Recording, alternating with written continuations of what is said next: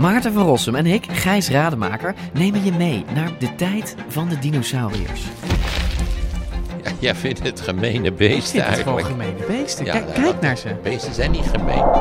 We zijn het eigenlijk nooit eens. Maar T-Rex is toch veel sexier. Nee, ik vind de kakkerlak net zo sexy als T-Rex. Ja, ik zie dat je daar moeite mee hebt. Voor iedereen die vroeger al van dino's hield en nu nog steeds een beetje, luister naar DinoCast.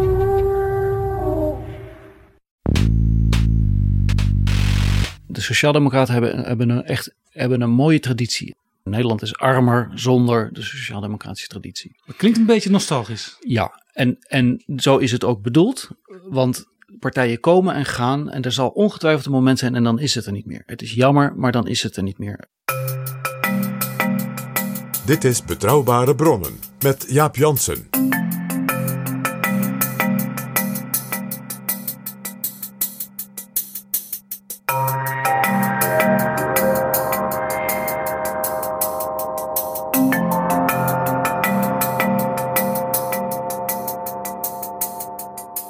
Hallo, welkom in Betrouwbare Bronnen, aflevering 195 en welkom ook PG. Dag Jaap. Voordat we beginnen wil ik eerst weer onze nieuwe vrienden van de show verwelkomen. Vrienden van de show zijn luisteraars die met een donatie deze podcast mede mogelijk maken. De nieuwe vrienden zijn Guido, Jaap, Bart, nog een Jaap, Nicole, Arjan, Hamza, Art, Chris en Seb. Wil jij ook met een donatie vriend van de show worden? En dat donatiebedrag kun je zelf bepalen. De meeste mensen kiezen voor 3 euro per maand. Ga dan naar vriendvandeshow.nl slash bb. En deze link staat ook in de beschrijving van deze aflevering. Zoveel vriendschap, daar wordt een mens blij van. Dit is Betrouwbare Bronnen. PG, onder leiding van informateur Mariette Hamer is de kabinetsformatie aanbeland op een sleutelmoment. Partijen die tot nu toe nog enigszins vrijblijvend met haar spraken, moeten langzamerhand conclusies trekken. Wie wil met wie? Twee partijen aarzelen nog. Het CDA van Wopke Hoekstra en de Partij van de Arbeid van Lilian Ploemen. Het CDA wil geen progressief kabinet met VVD, D66, PvdA en GroenLinks. En de Partij van de Arbeid wil misschien wel meedoen, maar dan moet er heel veel op papier worden afgesproken, want rechts is sterk in zo'n kabinet en in de Tweede Kamer. Dit lijkt me een mooi moment om in deze aflevering van Betrouwbare Bronnen te focussen op die twee partijen. Ooit grote volkspartijen waarin een doorsnee van Nederland verenigd was. Hoge en lage inkomens, theoretisch en praktisch opgeleide, mensen met verschillende culturen, ook mensen die overal in het land woonden. En belangrijk, partijen die vaak in de regering zaten. En partijen met een hele nadrukkelijke, herkenbare, traditionele ideologie. PG, jij bent een kritisch CDA-lid. Zeker. Doet mij altijd een beetje denken als ik dat zeg. Cor van der Laak. Cor van der Laak, kritisch AVRO-lid. Om scherp te kunnen focussen heb ik nog een gast uitgenodigd. Iemand uit de Partij van de Arbeid, Menno Hurenkamp. Politicoloog aan de Universiteit van Amsterdam. En lid van het curatorium van de Wiardi Beckman Stichting. Het wetenschappelijk bureau van de Partij van de Arbeid. Welkom in Betrouwbare Bronnen, Menno Hurenkamp. Dankjewel Jaap. En Menno, jij hebt ook een artikel geschreven in het blad Socialisme en Democratie. En dat was eigenlijk ook de reden om jou uit te nodigen. Want de vraag is, eh, waar staan deze twee partijen nu en waar gaan ze naartoe? Misschien wel, waar moeten ze naartoe? Als ze nog ergens naartoe moeten. En voor Lilian Ploemen en haar mensen is in elk de titel van dat stuk van Hurenkamp een enorme meevaller. Nog niet is alles verloren. Dankjewel. Voor, voor je verder gaat, ik ben ook politicoloog aan de Universiteit voor Humanistiek. Ik heb een dermate wurgaanstelling aan de Universiteit van Amsterdam dat ik dat ook nog wel even gezegd wil hebben. En daarmee zijn we ook meteen bij de problematiek borstlap, waarin we in betrouwbare bronnen al meerdere keren Nou, aandacht hebben dat besteed. dat dan maar weer een andere keer. Maar goed, deze week werd bekend dat de SER daar in ieder geval een oplossing voor heeft bedacht.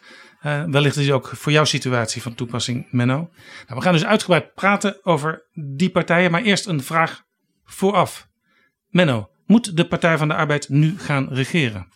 Niks moet. PG, moet het CDA toetreden tot het nieuwe kabinet? Idem.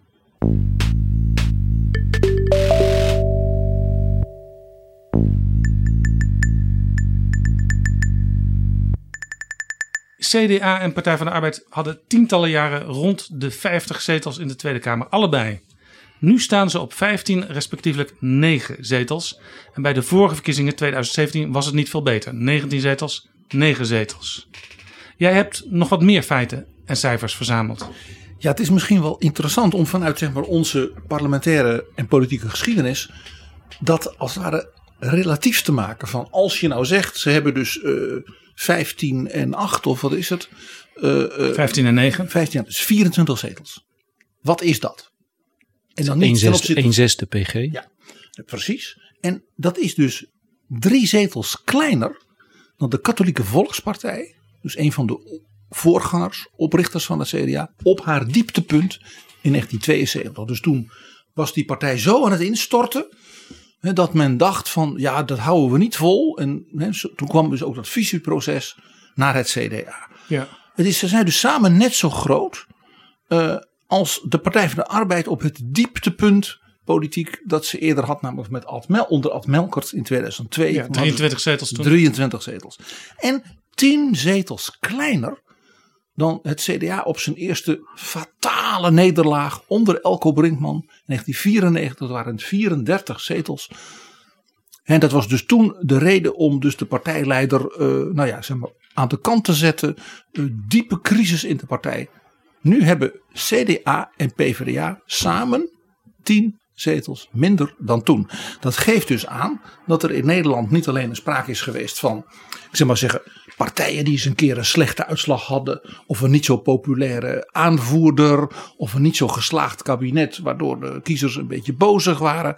Er is sprake van dus echt een kwalitatief verschil, waarbij dus eh, grote klassieke machtsapparaten, ook klassieke bindende groepen, eh, ja, helemaal verdwenen zijn. Mag ik daar nog een fun fact aan toevoegen? Althans, dat was hoe ik de eerste keer het zeteltal van de Partij van de Arbeid duidde. Dus bij de vorige verkiezingsuitslag, toen het er ook negen waren.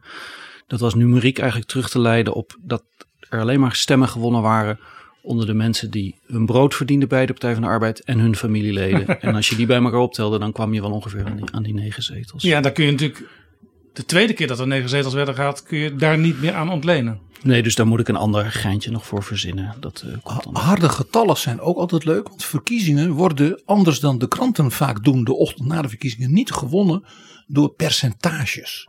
Of door kaartjes op het land waar dan de ene partij wat groter lijkt in die gemeente dan de andere, maar dan gewoon door mensen. Nou, het CDA eh, in 2002, toen Balkenende voor het eerst lijsttrekker was, eh, dat was de verkiezingen waarvan iedereen nu altijd heeft over Fortuin. Maar Balkenende won die verkiezingen. Toen haalde het CDA 28% van de stemmen. En het was 2,6 miljoen mensen. Dit keer, onder leiding van Wopke Hoekstra, kwam het CDA op 9,5%. Dus onder de 10%. En dat waren 990.000 stemmen. Dat was dus minder dan de 1,2 miljoen die bij de Europese verkiezingen van 2004 door CDA-lijsttrekker Camille Eurlings werden binnengehaald. En toen was de opkomst nog geen 40% Ja, en Menno, bij de Partij van de Arbeid is het natuurlijk nog veel dramatischer. Want hoeveel mensen hebben er dit jaar op de Partij van de Arbeid gestemd? Vijf, 590.000. Ik kijk even met naar, naar de Wikipedia naast me, maar eh, vijf- 590.000, zoiets. PvdA heeft- 599.000. PvdA heeft opnieuw 5,7% van de stemmen gehaald. En door de iets lagere opkomst is de Partij van de Arbeid dus absoluut zo'n 2500 stemmen nog weer kwijtgeraakt ten opzichte van vier jaar daarvoor.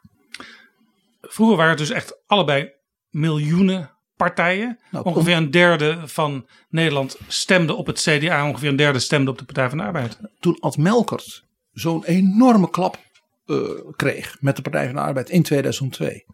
Toen stemden er anderhalf miljoen mensen op de Partij van de Arbeid. En dat was 15% van de stemmen. En nu 5,7%. Men zou dus tekenen voor een Melkert. Menno, jij hebt een hele stapel boeken meegenomen naar de studio. Wat hebben die boeken gemeen? Ja, die boeken hebben gemeen dat ze min of meer naast elkaar stonden in mijn eh, boekenkast. En dat op de achterflap staat. De crisis van de sociaaldemocratie is groter dan ooit. En, ehm, eh, en dat, ze beginnen, dat het begint eh, te tellen ergens halverwege de jaren 80 en doorloopt tot eh, 2016. En eigenlijk elke keer opnieuw komt er de claim. De crisis van de sociaaldemocratie is dit keer eigenlijk echt onoverbrugbaar. En dan komt er een commissie en die doet daar onderzoek naar. En die schrijft dan een rapport. En dus, nou ja, dat rapport dat eindigt dan op deze stapel. En eh, En dan vier jaar later komt En een vergelijkbare on- commissie die ongeveer hetzelfde opstelt. onvermijdelijk En zo- komt, komt, komt er daarna weer een rapport. Dus, dus ik Ze omspannen dus ongeveer 40 jaar. Eigenlijk is het het boekenplankje van Menno Hurenkamp altijd crisis in de sociaaldemocratie. Nou, dat is één van de plankjes. Er zijn ook wel gewoon altijd crisissen in andere levens. Maar ja, Ehm, ja dus dit, dit is hier dit is, eh, het beroemde rapport Schuivende Panelen. Dat onder leiding van Jan Pronk geschreven is. Dat is eigenlijk nog het meest optimistisch. Want dat schetst een aantal Ja, keuzemogelijkheden. was halverwege de jaren tachtig. Ja, dat is nog- Jan Pronk toch een, een kampioen van de somberheid altijd is. ja, dat gaan we denk ik een andere keer bespreken. Ja, nee, dat was een, een, een, een, een teken van optimisme Dat was een rela- en vernieuwingsgezindheid van Jan Pronk, dat rapport. Dat, dat, dat klopt. Maar gelukkig volgde daar al snel eh, bijvoorbeeld hier Nieuwe Arena's onder redactie van Rudy Boon en eh, Jan Nekkers. Dat is een mooi boekje. Er is geen toekomstbeeld meer dat de koers bepaalt. Alleen nog een paniekerig pogen tot regulering van het heden. We schrijven geloof ik dan 1991. Ehm, Het was midden onder het kabinet Lubbers-Kok toen de PvdA regeerde en ging bezuinigen en de Ja. sociale zekerheid ging aanpassen. En toen was er dus paniek. Een jaar daarop sloeg eh, Van Kemenade genadeloos terug met de studie eh, Een partij om te kiezen. De Partij van de Arbeid heeft al de laatste tien jaar het meest van al deze ontwikkelingen, dus dan is er is een hele hoop sociologische rimram voorbij gekomen, te lijden gehad. Dat maakt het voor de Partij van de Arbeid noodzakelijk zich te bezinnen op haar functioneren. Nou, en dan, je moet maar gewoon stop zeggen, want je op een gegeven moment zit hier natuurlijk door de uitzending heen. Ja, je Als- hebt zeven boeken meegenomen. al snel daarop volgt dan eh, Contouren van Vernieuwing. Eh, onder, weer onder redactie van eh, Jan Nekkers. Een mooi boekje. De crisis van de sociaaldemocratie is ook het resultaat van haar eigen succes. Nou ja, dan gaat het allemaal. dan komt De ellende Ja, buitelt zich op- opgang is ondergang. Op, absoluut. Dan is er uit. Dit heb ik, deze mooie studie van eh, mijn gewaardeerde ex-collega's Frans Becker en René Cuperus. Verloren slag. Schitterend. Ook echt schitterend.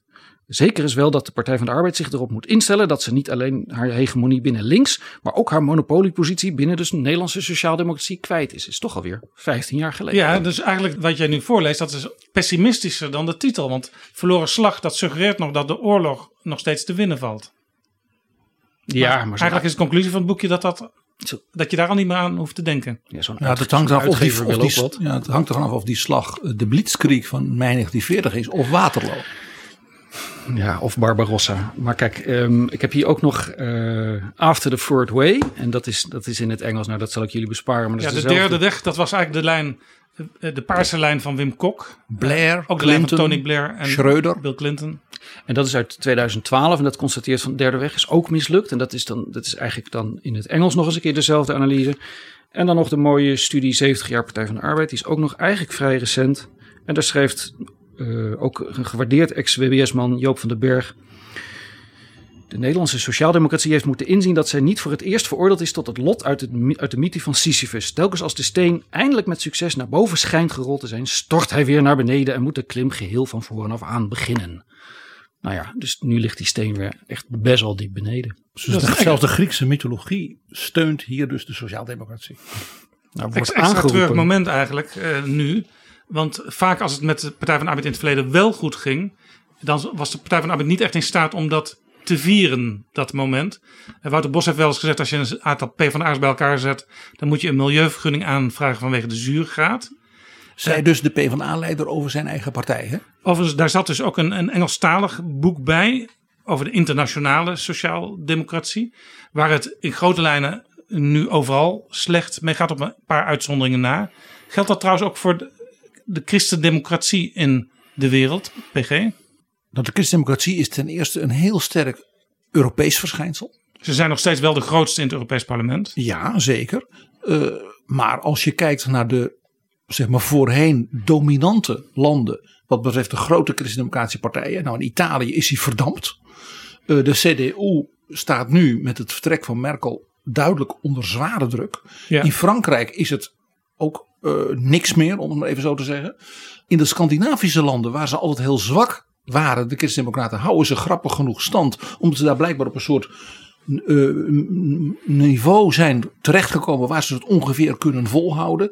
En ja, in de Oost-Europese landen, Midden-Europese landen, is die traditie natuurlijk niet zo klassiek hè, van na de oorlog eh, door het communisme. Nee, Dus daar daar moet die soms- traditie zich nog En dan heb je ontwikkelen. soms ook partijen waarvan je misschien kunt afvragen, hoor die er wel echt bij, zoals onlangs de partij van Viktor Orban uit de fractie in het Europees Parlement getreden is. Omdat die wel heel erg ver afweken van de waarden en normen van die stroming. Nou, daar zie je dus dat die traditie zich nog moet zetten. En in sommige landen zie je dus een hele boeiende ontwikkeling. En in andere landen zie je ook door zeg maar, lokale omstandigheden zo'n partij, of ook door de leider van zo'n partij, ineens een hele andere kant op schieten.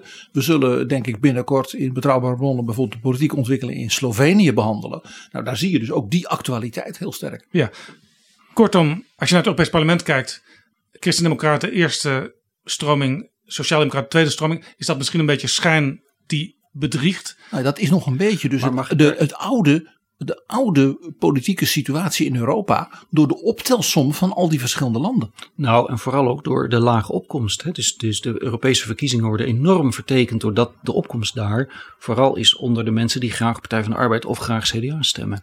En alle jonge mensen die wel zin hebben om op Volt of B1 of Denk te stemmen, maar absoluut geen zin om op de Partij van de Arbeid of CDA, die blijven lekker thuis bij Europese verkiezingen. Ja, Volt heeft ook nog maar één zetel hè, in dat hele grote Europees Parlement.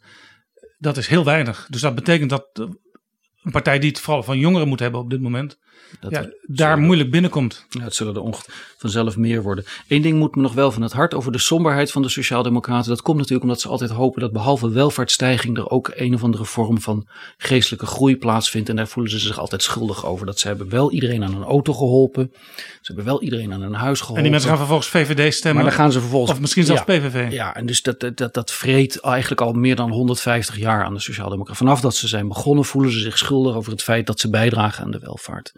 Ehm een PG kan dat vast ook verklaren vanuit de christendemocratische hoek, maar dat zit ook bij de Sociaaldemocraten. Dat, dat, dat geploeter, dat is, dat is diep verinnerlijkt. Dat heeft natuurlijk alles te maken met Marx, die ervan uitging dat als de materiële omstandigheden van de gewone man verbeterden, dus van de arbeiders die natuurlijk eh, ja, een bitter lot had met kinderarbeid en alles in de 19e eeuw, dat als hun omstandigheden verbeterden, als ware vanzelfsprekend hun bewustzijn, ook via de volksverheffing, zoals men dat later ging noemen, als het ware zou leiden tot een soort culturele bloei. En ja, eh, laat ik zeggen, de christendemocratie is natuurlijk zeker in Nederland vanuit het Calvinisme opgekomen. En weet dat natuurlijk de erfzonde eh, eh, de mensheid eh, beheerst. En dat de mens niet van nature goed is, laat staan goed wordt, omdat hij bijvoorbeeld rijker wordt of mooier wordt behandeld. Daar wordt de mens als mens niet beter van. Alleen ter voetnoot hoor, maar de, de, de essentie van de Sociaaldemocratie is ongeveer bestrijding van Marx. Dus, dus, maar dat is voor een andere keer. Maar Maar het zit er wel heel Dat is- diep in hoor, Dat die is marxistische opmerkelijk als ik analyse. dan nog een voetnoot mag plaatsen, want we zijn toch een beetje met voetnoten bezig. Eh, Willem Drees, de grote man van de Partij van de Arbeid in eh de jaren 50, begin jaren 60, noemde zichzelf een Marxist. Ja, maar kijk, ehm, hij kan zich een Marxist genoemd hebben in economisch redeneren. Maar waar het om gaat is dat Marx zelf pleitte voor revolutie. En de Sociaaldemocraten hebben altijd voor reformisme gepleit. En dus altijd tegen Marx, tegen de analyse dat de arbeiders de, de boel aan gort zouden moeten slaan. om een betere wereld dichterbij te brengen. Dus tegen Ro- Rosa Luxemburg. En voor Eduard Ber- Bernstein, Ber- Bernstein moet ik zeggen, sorry. Ja, de, de, de, de en- sociaaldemocratie in Europa heeft gekozen tegen de gewelddadige oplegging het is een in- van in- de ideologie. in en in was een in en in reformistische club en niet een revolutionaire club en in die zin contra Marx. In die zin, zeker. Maar de analyse in economische zin, die dus eh, Drees ook steunde, was precies de analyse zoals ik hem aangaf. Het bewustzijn van mensen verbeterd door hun omstandigheden. Als je het woordje precies ertussen uitstreept, dan heb ik er voorlopig eh, vrede Ja. mee.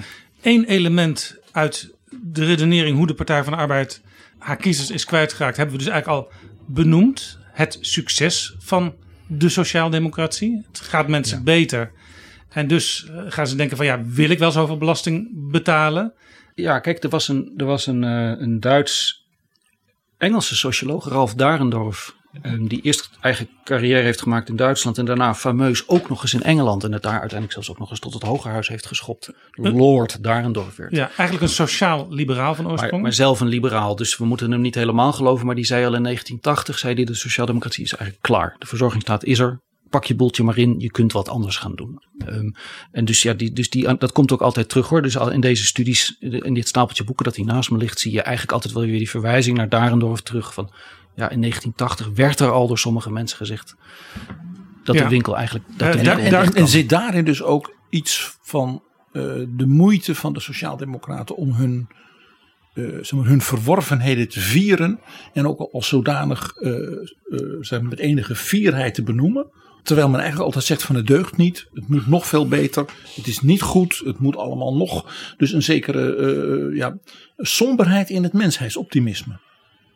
Nou ja, ik denk dat het nooit helemaal gelukt is om eh, de mensen die op de een of andere manier tijdelijk of voor langere tijd afhankelijk waren van publieke voorzieningen, of die, om die zonder schuldgevoel dat te laten gebruiken. Ik denk dat dat nooit, en dat, is, dat vind ik echt ontzettend jammer, want het is, ik denk dat het het hoogtepunt van de beschaving, van de wereldwijde beschaving is dat we die voorwaarden gecreëerd hebben.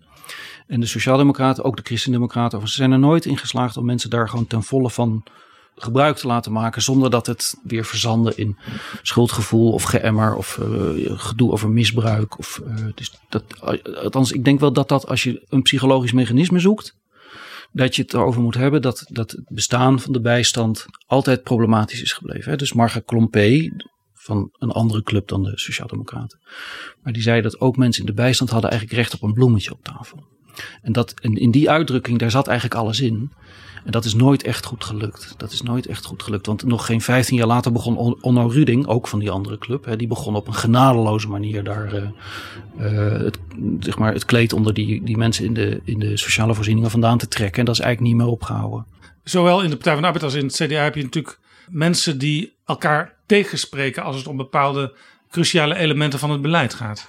Het zijn altijd eh, eh, hele interessante optelsommen van heel verschillende achtergronden, verschillende eh, tradities zelfs. Zeker in de christendemocratie, waar je natuurlijk in Nederland hè, protestant en katholiek en nog verschillende soorten ervan, hè, die het met elkaar moeten zien te rooien.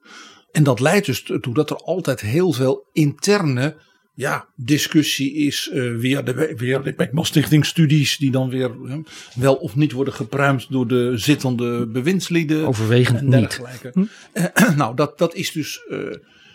Eh, ja, dat hoort eigenlijk bij eh, een, dergelijke niet-kadaverdisciplinepartij. Ja, Maar en dan moet je dus, de vraag is volgens mij of we daar in de tegenwoordige tijd over moeten praten of in de verleden tijd. De, dus de, de, de, de Partij van de Arbeid was uitdrukkelijk, als het iets was, een ideeënpartij. Hè, Dus dat was uitdrukkelijk een, een beweging waarin ook hè, Arie van der Zwan onbekommerd opschreef, Troelstra had moeten doorpakken in 1918. Hij had het gewoon kunnen redden. Hij was- Weg met die Wilhelmina. Ja, hij was lang. Ja. Hè, dus Troelstra rukte op naar Den Haag, maar toen toch eigenlijk weer niet. En, ja, hij riep dus de revolutie uit. Ja, Tot, tot grote schrik van de liberale burgerij. En zeker ook tot grote schrik van de conservatieven. Dat ging uiteindelijk ook niet door. Nee, maar dus de Partij van de Arbeid huisvestte lang ook intellectuelen die onbekommerd, eh, Arie van der Zwan, eh, econoom, bestuurder van een aantal beursgenoteerde ondernemingen, eh, die onbekommerd opschreef, Troelstra heeft de kans laten lopen op Syrië. En dat, en dat, maar dat duidt op een soort ideeënstrijd die er eigenlijk altijd geweest is, maar ja, die, waarvan je natuurlijk de afgelopen jaren kunt denken van, is die er nog? Vraagteken. Jullie noemden ook al he- het zijn van volkspartij. Is dat nu voorbij voor beide partijen? Als je gewoon kijkt naar de aantallen, zoals PG ze net al geïntroduceerd heeft, dan, kun je, met, je kunt niet met droge ogen beweren dat dat, dat, dat, nog, dat dat nog een volkspartij is. Dat kan niet. Dus de, de, de claim van de Partij van de Arbeid is altijd geweest. eh, werknemers verbinden met intellectuelen. Mensen zeg maar met modaal of minder dan modaal verbinden met, laten we zeggen, de academische klasse en de, en de, en de journalisten en de opiniemakers. En ik denk dat eigenlijk voor de Partij van de Arbeid nu geldt dat zowel de mensen met minder dan modaal als de, de, de academici kijken andere kanten op. En dat ja, wat er overgebleven is aan, het, zeg maar, de harde kern van de kiezers, dat is vooral, ja, dat zijn mensen in de publieke dienst die, die hun, ja, die niet beter weten. Dat, dus het zit nog in hun spiergeheugen dat ze het doen. Maar waarom ze het doen, weten ze misschien ook niet helemaal zeker meer. Uit trouw, uit loyaliteit. Maar dat is een hele kleine groep en die is, dat is absoluut niet het volk, whatever that Ja, er is een hele interessante ontwikkeling. Mensen die arm waren vroeger, die stemden in het algemeen als ze stemden eh, links, maar die stemmen nu vaak rechts. Ja, ik ben het. Kijk, een deel van de, de, de, de Partij van de Arbeid wil, althans de SDAP, wilde na de Tweede Wereldoorlog naar een doorbraakpartij streven, zodat die zeg maar alle gewone mensen zou vertegenwoordigen. En de katholieken hebben dat toen een beetje in de wielen gereden. Dus er zijn altijd een flink deel van de gewone mensen zijn naar de katholieke kant uitgeweken. En daarvan kun je nog zeggen dat waren misschien wel progressieve katholieken. Hè? Dus dat, dat, dat, dat, daar, daar kun je Ja, over ja, de bisschoppen wilden in de jaren 50 ook voorkomen dat katholieken op de Partij van de Arbeid gingen stemmen. Ja, het mandement uit 1954, dat werd uitdrukkelijk verboden. 1958. De verkiezingsuitslag van 1920, toen er dus algemeen kiesrecht voor mannen en vrouwen was. De Sociaaldemocratie werd in 1920 niet ineens de grootste partij, omdat het volk, de armen, daarop stemde. De grote winnaars, mede vooral ook dankzij de vrouwen, waren de confessionelen. De liberalen gingen vooral fors achteruit. Het heeft er ook iets mee te maken, los van wanneer het mandement precies was, dat het beeld nog altijd is dat Nederland een progressief land is. En dat dat niet klopte, nu niet klopt en ook in de nabije toekomst niet zal kloppen. Dat er, dat er altijd een tamelijk conservatieve meerderheid geweest is. En dat links nooit parlementair of buitenparlementair een meerderheid gehad heeft. Dus dat, dat moet wel een beetje Nou ja, er is iets heel raars. Want in electoraal opzicht is Nederland misschien geen progressief land. Maar als het gaat om beleid, de opbouw van de verzorgingsstaat, zou je dat wel kunnen claimen. Ja, maar die is voor zover die een flink deel, een echt een groot deel van de verzorgingsstaat is opgebouwd in de jaren 60. En eigenlijk zat de Partij van de Arbeid volgens mij toen maar, nou PG zal het wel weer precies beter weten, volgens mij acht of negen maanden in de regering. Ja, maar je hoeft niet in de regering te zitten om toch Ja, andere partijen ook te kunnen be- beïnvloeden. In de zin van, absoluut. zij vinden het misschien ook wel belangrijk dat zoiets opgebouwd wordt. Dat maar dat ze komt- misschien uit hun eigen programma en hun eigen beginsel al. Eh, De Katholieke Volkspartij, de ARP, de CAU als confessionele partijen, eh, later gevormd tot het CDA, werden in hoge mate beïnvloed door, nou ja, eh, paus Leo XIII. Ja, maar dat is dus interessant. Ja, precies. Daar zat ik ook. Ik dacht dat welke pauze was het? Ja, weer? maar dat is dus interessant. Iets wat de Partij van de Arbeid als kern van haar programma ziet. Dat vond de christendemocratie dus ook al belangrijk toen. De vier kernbegrippen van Piet Steenkamp bij de oprichting van het CDA. Solidariteit hè, als eerste, publieke gerechtigheid, rentmeesterschap en gespreide verantwoordelijkheid. Ja, dat- Solidariteit is een klassiek katholiek eh, begrip. Vanuit dus de, de, de, ja, de christelijk-sociale, katholiek-sociale beweging van onder andere paus Leo XIII. eh en, en ook de, de- die dus ook een opvallende invloed had in dat opzicht op het protestantendenken. Ja, en tegelijkertijd was dit ook een reden soms voor CDA-partijen en Partij van de Arbeid om samen te willen regeren in bepaalde fasen. Maar dus dat, dat zag je in de jaren 50. En dan op een gegeven moment vindt de Partij van de Arbeid vindt, vindt, vindt de conve- conventionele clubs gewoon te rechts. Dus dan wordt, dan wordt de Drees wordt onder druk gezet van weg met die, met die, weg met die rechtse gasten. En dan, dan stapt de Partij van de Arbeid in de oppositie. En dat is misschien nog wel interessant. Dat we, zouden we het nog wel op een later moment in dit gesprek over kunnen hebben. Inderdaad, vanuit de oppositie kun je dus behoorlijk meesturen. In, hè, dus ze hebben wel natuurlijk meegestuurd in al die jaren dat die verzorgingsstaat gebouwd werd. Maar het is echt gebouwd door de, door, door, door de confessionelen. Het is hè, Margaret Klompé, Gerard Veldka- Veldkamp. PG weet nog vast wel een paar namen. Ja, Maar die en, hebben en, dat- en, en, die Met hebben dus ook die nadruk die dus voor Nederland heel kenmerkend is geweest.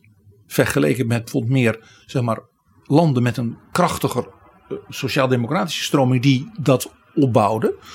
Eh, dus die nadruk op het gezin. Die nadruk op eh, dat moeder dan thuis kon zijn bij de kinderen. En, en ook dus het kostwinnersbeginsel in Nederland. Dat zijn dus allemaal elementen die dus een aspect waren in de opbouw van de verzorgingsstaat.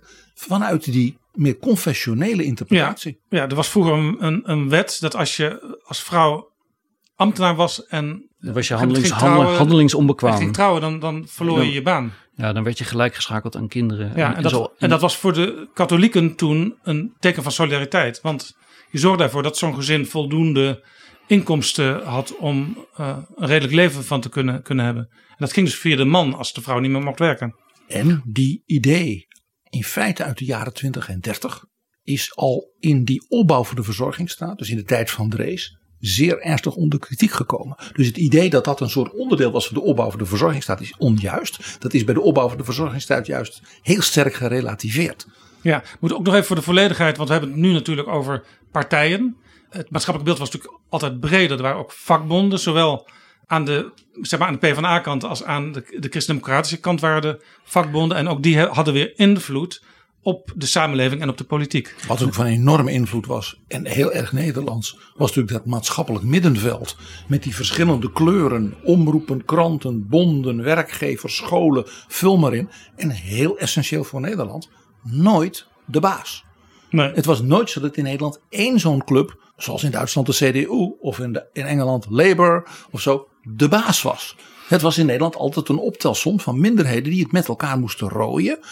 En dat was ook weer de binnenkant van die partijen. dat zat zowel in de christendemocratie als bij de sociaaldemocraten. Die waren zelf als het ware weer zo'n afspiegeling van die optelsom van minderheden die met elkaar er ongeveer uit moesten Ja, je zou komen. kunnen zeggen, want we hebben natuurlijk ook eh, in Nederland de polder met de, nu na de oorlog de Sociaal-Economische Raadstichting van de Arbeid, waarin ook eh, werkgevers een rol speelden.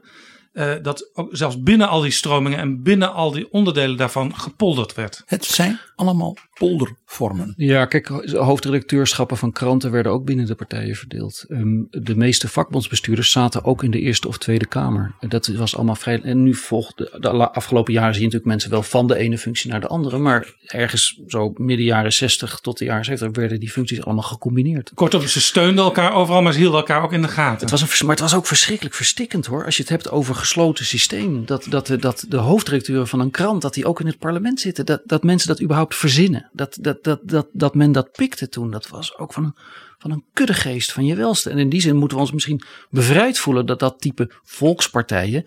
Die waren natuurlijk paternalistisch. En zelfgenoegzaam tot en met. En, ja, Ja, een van de laatste die, dit, die, die, die deze combinatie eh, nog personificeerde eh, was Jan Nagel, de eindredacteur van het radioprogramma Nou ik bedoel. In de Rode Haan. Zat in de Eerste Kamer voor de eh, Partij van de Arbeid. En die man is, is trouwens ook nog weer misschien het zinnenbeeld van eh, de emancipatie vanuit die oude zuilen. Want die heeft daarna allerlei eh, nieuwe partijen opgericht. Ik denk daar wat, vergeef mij, cynisch anders over. Hij is dat gewoon als verdienmodel pe- permanent blijven voortzetten.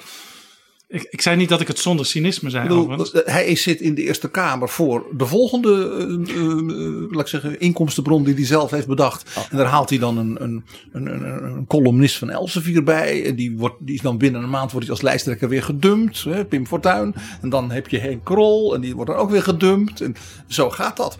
Ja, dus Menno kan het verstikkeld vinden. Laat ik zeggen, wat, wat er daarna is gekomen, en daar is Jan Nagel een prachtig symbool van, is natuurlijk honderden keren erger, vind ik dan. Ja, overigens deels uit de Partij van de Arbeid voortgekomen zijn eh, D66 en GroenLinks. Eh, Uit het CDA zijn eigenlijk nauwelijks andere partijen die, die er nu nog succesvol zijn voortgekomen. Nee, een van de meest opmerkelijke dingen van de christendemocratische ontwikkeling in Nederland, in de historie, is dat ze dus het proces is laat vergeleken bij de, zeg maar, de geestverwanten elders in Europa, van het bij elkaar komen, om vervolgens eigenlijk bijna gevrijwaard te zijn van afsplitsingen, scheuringen en dergelijke. Ook als men dus onderling verdeeld was, zelfs heel fundamenteel verdeeld. Denk even met de loyalisten en dissidenten en wat al niet. En zeker ook bij de gedoogconstructie bij het kabinet Rutte 1. Dat leidde dus niet tot scheuringen, verdeeldheid.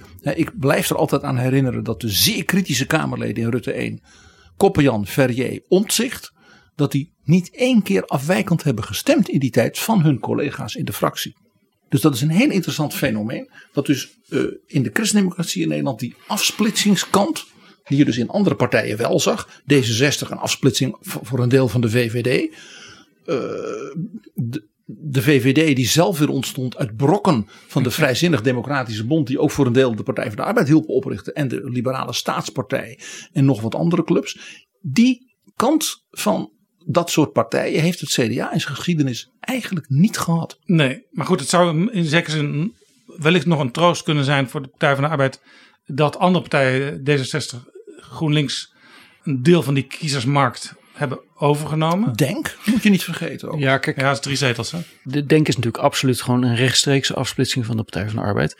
En ja, ehm, ik denk dat je Volt moet zien als een afsplitsing van D66. Ja. De, althans, dat, dat, dat, dat, dat je dat. Ja, en in de, de links-progressieve hoek kun je natuurlijk ook nog de Partij voor de Dieren en B1 zetten. Ja, en ik denk dat je de SP toch ook echt moet zien als een afsplitsing van de Partij van de Arbeid. Althans, als bestaansrecht ontlenend aan het feit dat de Partij van de Arbeid bestaat. Maar ik denk dat het naïef is om te veronderstellen dat, dat een van die clubs zeg maar in afzienbare tijd, 10 jaar, 15 jaar, ooit nog dus zeg maar de status herneemt van wat we ooit een volkspartij noemden. De, althans, aan de linkerkant zie ik Ja, in de maar dat is misschien sowieso wel even nog een, een, een kort zijpad. Er zal mogelijk geen enkele partij ooit weer 50 zetels halen. Ook de VVD niet.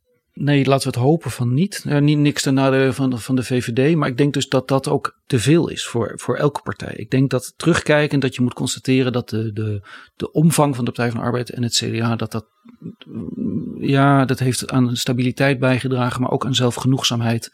En het heeft ook eraan bijgedragen dat bij vlagenvernieuwing ook wel heel erg ingewikkeld was. Eigenlijk lag, zeg jij, in dat succes vaak rond de 50 zetels, lag eigenlijk al het verderf besloten. Nou kijk, ergens ergens eind jaren. Je bent wel een geweldige Calvinist, ja. Dat valt mij nee, weer op. Nee, nee, maar het, eind, eind als, als, als, als, als je me toestaat, als eind, eind jaren 60 Nixon verkozen wordt in Amerika, heeft hij een heel kleine eigenlijk een heel weinig draagvlak. En dan doet hij voor het eerst iets wat daarna heel vaak en heel succesvol gedaan is. Namelijk, dan speelt hij een culturele kaart. Dan gaat hij niet meer over inkomens hebben, maar dan probeert hij een band te scheppen tussen de, zeg maar, de tandarts en de automonteurs. Door het over het fatsoenlijke Amerika te hebben. De silent majority. En dan gebruikt hij inderdaad de woorden silent majority. En dan, dat is de contra de mensen die, uh, de, de, de Vietnam-protestanten en de, de, de, de, alle, alle, de hippies en alles. En dus hij snapt dat hij dat niet gaat redden via de inkomens, want hij is helemaal niet van plan om inkomens te gaan herverdelen. Maar hij zegt van wij zijn, wij zijn toch met z'n allen, wij zijn de stille meerderheid, wij zijn voor het fatsoenlijke Amerika. En Wiegel heeft dat heel goed gezien. En die begint al eigenlijk begin jaren 70 neemt hij dat over. En de Partij van de Arbeid heeft dat gewoon heel lang helemaal niet in de gaten gehad. Dat dat aan het gebeuren was. Dat Wiegel steeds vaker zeg maar, over de metselaar begon te praten in het parlement. Want hij was dan in het café geweest en dan had hij met, een, ja, met de metselaar of met, met zo iemand gepraat. En, dan, ja, en die moest toch ochtends om uh, vijf uur op. En dan ja, die studenten van u, meneer Den Uyl, en die, die staan allemaal, ja, die liggen dan allemaal, die gaan er dan net in. En, en ja, en het grappige was dat die arbeiders die die vonden dat ook wel leuk, zoals Wiegel er een beetje mee speelde. Zoals het later ook uh, Pim Fortuyn, die net als Wiegel ook ja. in een streepjespak uh, rondliep en zo, ook konden waarderen. En de Sociaaldemocraten hebben dat eigenlijk nooit goed kunnen pakken. En dat kwam voor een deel doordat ze gewoon dachten: wij zijn gewoon toch de baas, ja toch? Uh, wie maakt ons wat? En, en, en men was zeer overtuigd van zijn eigen goede bedoelingen. Dat bedoel ik. Dat bedoel en, de, ik, ja. en nog een keer, ik heb het vaker gezegd. Ik grijp toch weer terug op Karl Marx. De filosofische zeg maar, onderbouwing van het socialisme en dus ook van de sociaaldemocratie, ging er natuurlijk vanuit dat het een wetenschappelijk bewezen grondslag was. Het was door de geniale gedachten van, van Karl Marx en zijn analyses wetenschappelijk bewezen dat het zo moest. Dus die goede bedoelingen waren ook goed omdat ze de waarheid waren. En dat was natuurlijk een heel belangrijk aspect van, laat ik zeggen, het zelfvertrouwen, om maar zo te zeggen, dat in die rode bewegingen zat. Hè? Uh, uh, ontwaakt, verworpenen der aarde. Uh, ja, maar dat geldt, dat geldt voor beide stromingen eigenlijk. Hè? Beide stromingen hadden de potentie om het gehele volk te vertegenwoordigen. Ja, wat voor de Sociaaldemocraten misschien zo niet in Marx, dan toch in de andere sociologen lag. Um, dat lag natuurlijk voor de Christendemocraten gewoon in, in, in een ietsje ouder boek. en dat, dat zagen zij ook als een tamelijk onomstotelijke waarheid. Ja. Ik weet de, de, de, de, titel van het boek ben ik even kwijt. Nou, het is niet zo dat uh, de, de christendemocratie dus een, een, een theocratische uh, uh, ideologie had en ook nooit heeft gehad. Maar wel inspiratie uit die Inspiratie, bron. zeker. Zeker. Maar dat is iets anders. Ja, maar dus, dus ik wil, wil het even ongeveer gelijk schakelen. Ik, ik deze, begrijp, deze ik begrijp dat. Ik begrijp dat. ja, nog even dat puntje, want jij stipte dat terecht aan. De pretentie van Volkspartij. Uh, als je kijkt naar de christendemocratie in Nederland, uh, het CDA dan in het bijzonder, die leeft in hoge mate met dat zelfbeeld. En ja, ik heb het ook in andere publicaties, ook in mijn recente boek Tand destijds, met cijfers en alles, dat vindt niet altijd iedereen leuk, onderbouwd. Dat is gewoon niet zo. Kijk, als je in urbaan Nederland nauwelijks nog een zetel in de gemeenteraad hebt, dus in die delen van het land waar dus Nederland geconcentreerd woont, dan kun je niet pretenderen, althans niet met feiten onderbouwd pretenderen, dat je nog een volkspartij bent. Als je, uh, laat ik zeggen, je kiezers haalt van de mensen boven de 60, dan is dat geen disqualificatie van die mensen. Integendeel. Maar kun je niet beweren dat jij voor het hele volk staat. Ja, dit is overigens interessant, dit, dit laatste, de leeftijd. Als je de jongste groep kiezers, dus de, de kiezers die net mochten gaan stemmen de afgelopen verkiezingen, als je die de Tweede Kamer zou laten samenstellen. Drie zetels zou de Partij van de Arbeid dan hebben. Drie zetels voor de Partij van de Arbeid? Niet negen, maar drie. En, en hoeveel denk, voor het CDA? Volgens mij iets van zeven, zes, zeven, acht of zoiets. Ja, dit, dit geeft dus al aan die partijen sterven langzaam uit. De, Lang- cijfers, langzaam is het woord niet. De cijfers zijn op dat, punt, op dat punt zeer interessant en worden in Nederland bij de verkiezingsuitslagen en analyses nooit gebruikt. Maar bijvoorbeeld in Duitsland wel. Bij de allerlaatste Bundestagverkiezingen kon je zien dat de CDU had toen geen mooie uitslag. Die verloor. En bekende verhalen die dan hoort, dat ging natuurlijk naar rechts. Dus dat ging naar de AFD en toen kwamen ook de cijfers. De CDU verloor ruim een miljoen kiezers aan de FDP. Die had een keer daarvoor namelijk zwaar verloren aan de CDU. Die kiezers gingen weer terug. Ja. De CDU verloor ook aan een andere partij die heel fors verloor. Namelijk 800.000 stemmen aan de SPD. Dus de SPD won van de CDU. Maar verloor elders nog zo zwaar dat je dat als ware in de uitslag niet meteen zag. En toen de meest interessante. Een miljoen, anderhalf miljoen kiezers aan het kerkhof. En in Nederland wordt dat dus nooit geteld. Dan staat er de niet-kiezers, want de doden zijn de niet-kiezers. De mensen die de vorige keer nog wel gingen en nu niet.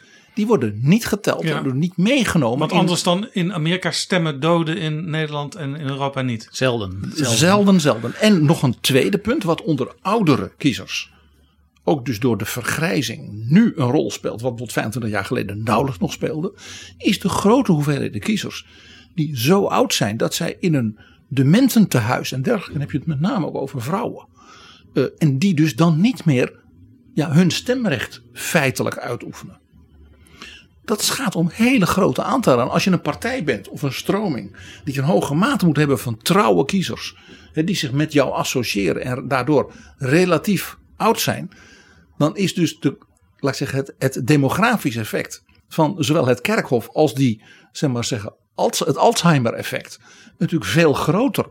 Dus een deel van de kiezers sterft uit of kan niet meer stemmen omdat ze te oud zijn en te gebrekkig. Maar de jongeren komen ook niet meer massaal naar deze twee stromingen, de Christendemocraten en de Sociaaldemocraten. Waarom het van belang is om het erover te hebben, is dat ehm, over het gebrek aan steun onder de jeugd. Is omdat het wordt niet, ik weet niet hoe dat bij de Christendemocraten zit, maar ik zie bij de Sociaaldemocraten dat het eigenlijk amper herkend wordt. Dat het amper herkend wordt als een urgente kwestie. Je ziet het een beetje in de lijstsamenstelling. Daarvoor staan natuurlijk wel jonge mensen ook op en ook heel veel getalenteerde types. Ja, dat, dat was vroeger bij eh, Nieuw Links het cruciale element. Hè? Als er leuke meisjes op bijeenkomsten zijn, dan gaat het goed met de partij. Ja, dat zei de directeur van Paradiso. Hè? Dat was eigenlijk zijn, zijn, zijn, het, enige, het enige motto. Als er, maar, als er maar mooie vrouwen waren, dan kwam het verder allemaal wel goed. Ik weet niet of dat nou echt een, een duurzame regel kan zijn voor een politieke het, was, partij. het was wel een, een hele herkenbare tactiek van eh, Silvio Berlusconi bij het maken Ja. van zijn Nou ja, Forza Italia. Wat ik eigenlijk maar wil zeggen, eh, Maar- jongen- meisjes, jongens, eh, al die, die mensen die ineens plotseling enthousiast zijn over bijvoorbeeld een nieuwkomer als Volt, die zie je niet bij de, bij de Partij van de Arbeid of het CDA. Nou kijk, je ziet eh, een grote bereidheid onder jongere mensen om naar nieuwe dingen toe te komen. Hè. Dus Klaver was een tijdje succesvol met, met zijn, eh, dat is ook met zijn kantine tourachtige dingen. Dat is allemaal een beetje geïmplodeerd natuurlijk. ook, Want op een gegeven moment is de Ja, glans er over. Paradiso gesproken. Ja. Paradiso stond vol met Klaver-aanhangers. Ja, en op, maar op een gegeven moment ging de glans er ook weer af en dan, dan wil men weer wat nieuws. Hè. Dus daar, daar kun je, je kunt daar niet blind op varen. Maar je kunt er niet omheen dat, dat ehm, in termen van huisvesting en in termen van onderwijs er natuurlijk een enorme rekening langzamerhand op de, op de, op de jeugd is afgewenteld. En je, je mag het ze niet verwijten dat ze dan denken van nou, ik stem maar eens even op een andere club dan die gasten van, eh, die- me met die studieschuld opzadelen en, en het onmogelijk voor me Dus het is maken. ook pure calculatie. Ik denk dat je, de- ik denk dat je het de jeugd niet echt kunt verwijten dat ze dat. de- de- ja, calculatie. cal- Ik vind het niet zo'n mooi woord. Dat is Pim Fortuyn. Die heeft daar heel veel reizen om gemaakt. Om de calculerende burger. Dat zijn, zijn aanhangers zijn dat allemaal vergeten. Maar het was Pim Fortuyn die daar ooit over begon. En die Ja. vond, vond hij het Walhalla, de calculerende Toch is het geen automatisme, PG, want D66 heeft ook een rol gespeeld bij bijvoorbeeld de uitvinding van het systeem van studiefinanciering, wat nu overal beklaagd wordt. En die hebben nog steeds heel veel jongeren als stemmer. Nou, D66 heeft eh, bij de afgelopen Kamerverkiezingen niet gewonnen doordat ze zo won bij de jeugd. Eh, de- die cijfers moeten nog maar eens eh, beter worden eh, uitgerekend. Dus daar zit voor D66 ook een puntje van aandacht. De, B- de D60 heeft gewonnen in die delen van het land waar de VVD verloor. D60 won in Wassenaar, in Bloemendaal, in de betere buurten. De VVD heeft die net ene zetel, eh, eh, eh, een soort restzetel die ze kreeg, te danken aan het feit dat ondanks het verlies boven de grote rivieren, want daar is de VVD helemaal, had helemaal geen goede uitslag, dat men in het zuiden van het land dat nog wat net kon compenseren. En daardoor heeft de VVD net die ene zetel erbij gekregen. Ik wil even nog dat punt dat Menno net zegt, van bij de Sociaaldemocraten ziet men eigenlijk die, dat probleem van de jongeren niet. Dat is bij de Christendemocraten nadrukkelijk anders. Uh, daar speelt dat ook al veel langer. Uh, dat merk je ook aan de recrutering. Uh, er is geen partij met zoveel mensen onder de 30 in gemeenteraden als het CDA. Dus dat probeert men wel.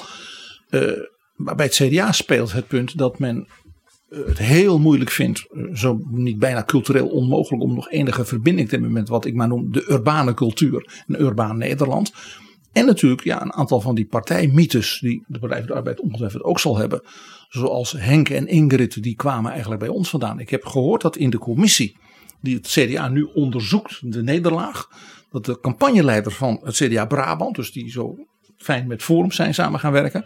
Dat die heeft gezegd, ja mij was altijd verteld dat Henk en Ingrid, die waren wij kwijt. Die hadden wij verloren. Terwijl onderzoek na onderzoek naar cijfer voortdurend kon laten zien dat dat niet waar is. Ook niet in het zuiden van het land. Nu ook weer zie je dus, we hebben de boeren, daar moeten we aandacht voor besteden. Want die Caroline van der Plas met die BBB-partij, die heeft één zetel in de Kamer gehaald. Als je kijkt naar de cijfers, het CDA heeft nauwelijks verloren aan BBB. Waar heeft het CDA aan verloren? De cijfers zijn helder. Aan de VVD. Daar zie je dus die winst, die ene zetel van de VVD in het zuiden van het land. Aan het Kerkhof. De niet-kiezers waren de, een hele grote bron van het verlies van het CDA. En dan, Jaap, ik heb, de, ik heb de cijfers hier voor mij. Aan D66, Volt, Partij van de Arbeid, ChristenUnie en Ja 21. Maar ze hebben dus net zoveel verloren aan de ChristenUnie bijvoorbeeld en aan de PvdA als aan Eertmans. Dus de beeldvorming in het CDA die boeren en de Henk en Ingrid, die zijn wij kwijt. En daar moeten wij wat voor doen. Er klopt niets van. Het CDA verliest aan het kerkhof en aan de rest van het midden. En dat is een buitengewoon belangrijke uh, uh, zeg maar, feitelijke analyse die al sinds het rapport Fris in 2010 al tien jaar wordt gemaakt. Ja. En het is dus heel, ik ben dus heel benieuwd. Een rapport waar jij aan hebt meegewerkt? Ja, ik ben dus heel benieuwd of uh, die, die commissie die nu die nederlaag onderzoekt, of die nu weer wel met de feiten werkt. Want ja, ja de Chinese leider Deng Xiaoping zei het altijd: hè, seek truth from facts. Commissie Zoek waarheid vanuit de feiten. De commissie staat onder leiding van Lisbeth Spies. Overigens, Menno, jij kwam binnen met die hele stapel boeken en rapporten. Wat voor rapport wordt op het moment in de Partij van de Arbeid geschreven? Nou, daar is men nogal aarzelend over. Onder het motto niet krabben. Uh, want ja, dat, dat, dat, jeukt gewoon zo. Dat, eh, dat er, en dan, dan, komt, dan komt het bloed weer zichtbaar. Dan wordt het weer rood. misschien het laatste beetje bloed wat er, wat er nog onder zit. Dan wordt het wel weer rood. Ja. Nou, laten we deze beeldspraak niet helemaal doorvoeren tot het bot. Maar um, er is nog geen commissie in de Partij van de Arbeid. Er wordt op dit moment nog niet heel diepgaand onderzoek verricht. Um, er zal ongetwijfeld in aanloop naar, uh, uh, naar, naar, naar, naar het congres dat dan iets moet gaan zeggen over regeringsdeelname, ja of nee, zal er heus nog wel het een en ander aan materiaal naar boven komen. En de kern daarvan is natuurlijk precies wat PG ook beschrijft, dat er over de hele linie verloren is. Maar dat was natuurlijk al bij de vorige verkiezingen, was dat al gebeurd. Maar deze verkiezingen lieten een uitermate interessant, ook weer cijfermatig beeld zien. En dat is dat de Partij van de Arbeid 2500 stemmen minder had dan, ik zou maar zeggen, onder leiding van Lodewijk Asscher. Als je naar de kaart van Nederland kijkt, was er wel een opmerkelijk verschijnsel. De Partij van de Arbeid deed het goed in Limburg. Het was net als met Frans Timmermans een Lilian Ploemen effect. Alleen ja, dat was een stijging van 4 naar uh, eh, 5 procent of 6 procent. Hartstikke leuk natuurlijk. Maar ja, daar wordt de haan niet vet van. Want in de rest van het land is de Partij van de Arbeid dus feitelijk opnieuw wat verder weggezakt. Ja, je kunt ook zeggen. En Limburg heeft, net als dus bij de VVD, die restzetel die er nog bij kwam. Dus een, door een vrij regionaal effect. Uh, de Partij van de Arbeid nog net op die 5,7% gehaald. Wat hier speelt, is dat in het zuiden van Nederland de ontzuiling, de secularisatie, later is begonnen en ook langer doorloopt uh, dan zeg maar boven de rivieren. Dus je ziet dus als dat de partijen die boven de rivieren al eerder als het ware profiteerden van de secularisatie, de ontkerkelijking, dat die in het zuiden van het land daar nog een tijdje mee doorgaan. Ja, kijk, puur in termen van kerkbezoek en zo heb je, niet, heb je geen gelijk, denk ik. Ik denk dat het. Nee, dat ik heb het ook over dus secularisatie, Ja, maar, dus ik weet niet hoe je dat dan meet. Maar als je het hebt over sterke lokale identificatie, die is natuurlijk in het zuiden heel sterk. Dat klopt absoluut. Ik denk dat met de, de, de secularisatiethese dat, dat, dat, dat, dat het geen recht doet wat er gebeurd is. Maar wel het feit dat mensen in Limburg gewoon permanent met een enorm minderwaardigheidscomplex rondrennen. En ze het er, erg fijn vinden als ze iemand in hun eigen taal horen. En dan hebben ze daar natuurlijk eerder de neiging om daar hun, hun steun aan te geven. Maar het belangrijkste is vermoedelijk dat een flink deel van de mensen met een links levensgevoel het liefst uitwijken naar een club die hen eh, zicht op invloed geeft. Die hen zicht op macht geeft. En daar heeft Kaag heel handig gebruik van gemaakt. En ik ben ervan overtuigd dat dat echt een, een wezenlijk deel van, van wat de Partij van de Arbeid had kunnen terugwinnen. Weggenomen heeft omdat er één iemand net iets, zich net ietsje zichtbaarder profileerde als degene die in staat is om iets voor elkaar te krijgen. En Ja. omdat er flink wat eh, laten we zeggen, progressieve mensen die zich al lang niet meer één op één met die volkspartij associëren, omdat die volkspartij er eigenlijk niet meer is, dat die vrij makkelijk de overstap maakten van doe me dan maar kaart. Maar dat levensgevoel, dat is ook meteen wel weer een probleem. Want we begonnen met het beeld van de Partij van de Arbeid als eigenlijk coalitie van hele verschillende groepen in de bevolking. Arbeiders die toen nog arbeiders genoemd werden. En mensen die steeds hoger opgeleid eh, raakten. Ja, die laatste die kunnen natuurlijk makkelijk overstappen eh, naar D66 vanwege het progressieve levensgevoel. Maar als de Partij van de Arbeid het progressieve levensgevoel en wat veel arbeiders nu voor zichzelf belangrijk vinden, dan is dat niet altijd meer te combineren. Nee, maar dus ik denk dat dat eigenlijk ook secundair is. Ik denk dat het veel belangrijker is dat de Partij van de Arbeid ergens, eh, laten, we- zeggen, begin jaren negentig de draai gemaakt heeft ook naar het denken in termen van eigen verantwoordelijkheid en het denken in termen van werk als cruciale vervulling van je leven. En dus ook en de last tot werk ook bij mensen zelf neer te leggen. En eigenlijk vrij permanent is gaan sleutelen aan de verzorgingsstaat onder het motto van ja, de, kost gaat voor de baat uit en eh, ehm, eh, ja, de, de, de begroting moet sluitend zijn. En in wezen is dat in gang gezet ook door eh, de aansluiting bij Europa. Dus vanuit de Europese Unie kwamen natuurlijk een, een, kwam een enorme set aan regelgeving. En Den Uyl heeft dat eigenlijk goed gezien, want die mopperde halverwege de jaren zeventig. Zei hij al van ja, kijk, Europa moeten we natuurlijk eigenlijk niet doen als dat alleen maar leidt tot meer liberalisme. Ehm, als dat ons de, het, de mogelijkheden als land of als staat ontneemt om zelf te, te reguleren, dan kunnen we het eigenlijk beter maar achterwege laten. Dat is na de hand is dat natuurlijk onder, ja, onder Kok is dat eigenlijk losgelaten. Dus met de euro, met de Europese Unie. Is dit ook het verhaal over eh, de Partij van de Arbeid is te veel meegegaan in het neoliberalisme? Nou ja, dus, dus dat, ik wilde dat woord eigenlijk vermijden, maar dus dat zou je, dat zou je kunnen zeggen. En daar, en daar is een sfeer ontstaan, waardoor eigenlijk vrij permanent in die sociale zekerheid werd, er werd de hele tijd aan veranderd. Er werd de hele ding, en het ging, werd niet per se slechter, hè? geen misverstand. Er werden ook, het zijn ook heel veel dingen heel veel beter geregeld. Maar het was niet altijd begrijpelijk voor veel Maar de mensen. mensen die er, die er veel gebruik van moesten maken, die, die hebben eigenlijk al 20, 30 jaar krijgen die een boodschap van ja, het gaat anders, je krijgt wat minder, je moet meer zelf doen, je moet zelf een beetje je, eh, je moet zelf je verzekering afsluiten. Je Eigen moet je, verantwoordelijkheid noemde Ja. Balkenende dat bij het CDA. ja, maar je moet Nee, ook- dat was een heel andere eh, insteek. Dat was, had weer, had weer Eens- veel ideologischer was dat. Laat- laat me- nee, dit, was, dit, dit- was, dit was de individualisering. Ja. Die in hoge mate ook als een soort ideaal werd gezien. En juist niet die ideologische kant van de eigen Ja, verantwoordelijkheid. dat is zeg maar weer de de, de, de, de, de liberalisering, als, even het woord neoliberalisme, want het heeft een andere connotatie loslaten. Gewoon de liberalisering van eh, links. Ja, of, nee, maar dus dat ideaalbeeld van individualisering werd door flinke, grote, flinke groepen van, van de bevolking eh, geïnterpreteerd als zoek het zelf maar uit. Eh, Bekijk het maar. Geen misverstand, hè? Nederland heeft er ook flink van geprofiteerd. We hebben, Ja. Het is ook ontzettend veel. En met name de, de- me- me- wat minder hoogopgeleide mensen dachten er zo over. Want hoogopgeleide mensen dachten vaak, dat is nu ook met globalisering zo, meer keuzemogelijkheden. We, we kunnen zelf kiezen. Nou ja, dus het is een beetje lastig om in, in die heel grote categorieën te denken. Maar ik denk dat het beeld van die, die volkspartijen hielden toen eigenlijk op te bestaan. Toen dat verhaal in de markt gezet werd, excuus, in de electorale markt gezet werd. Van we gaan jullie bevrijden, ook uit, onze, uit de Ja. kluisters van ons eigen. Dus eigenlijk in de jaren Clubie? 80, 90 is dit begonnen.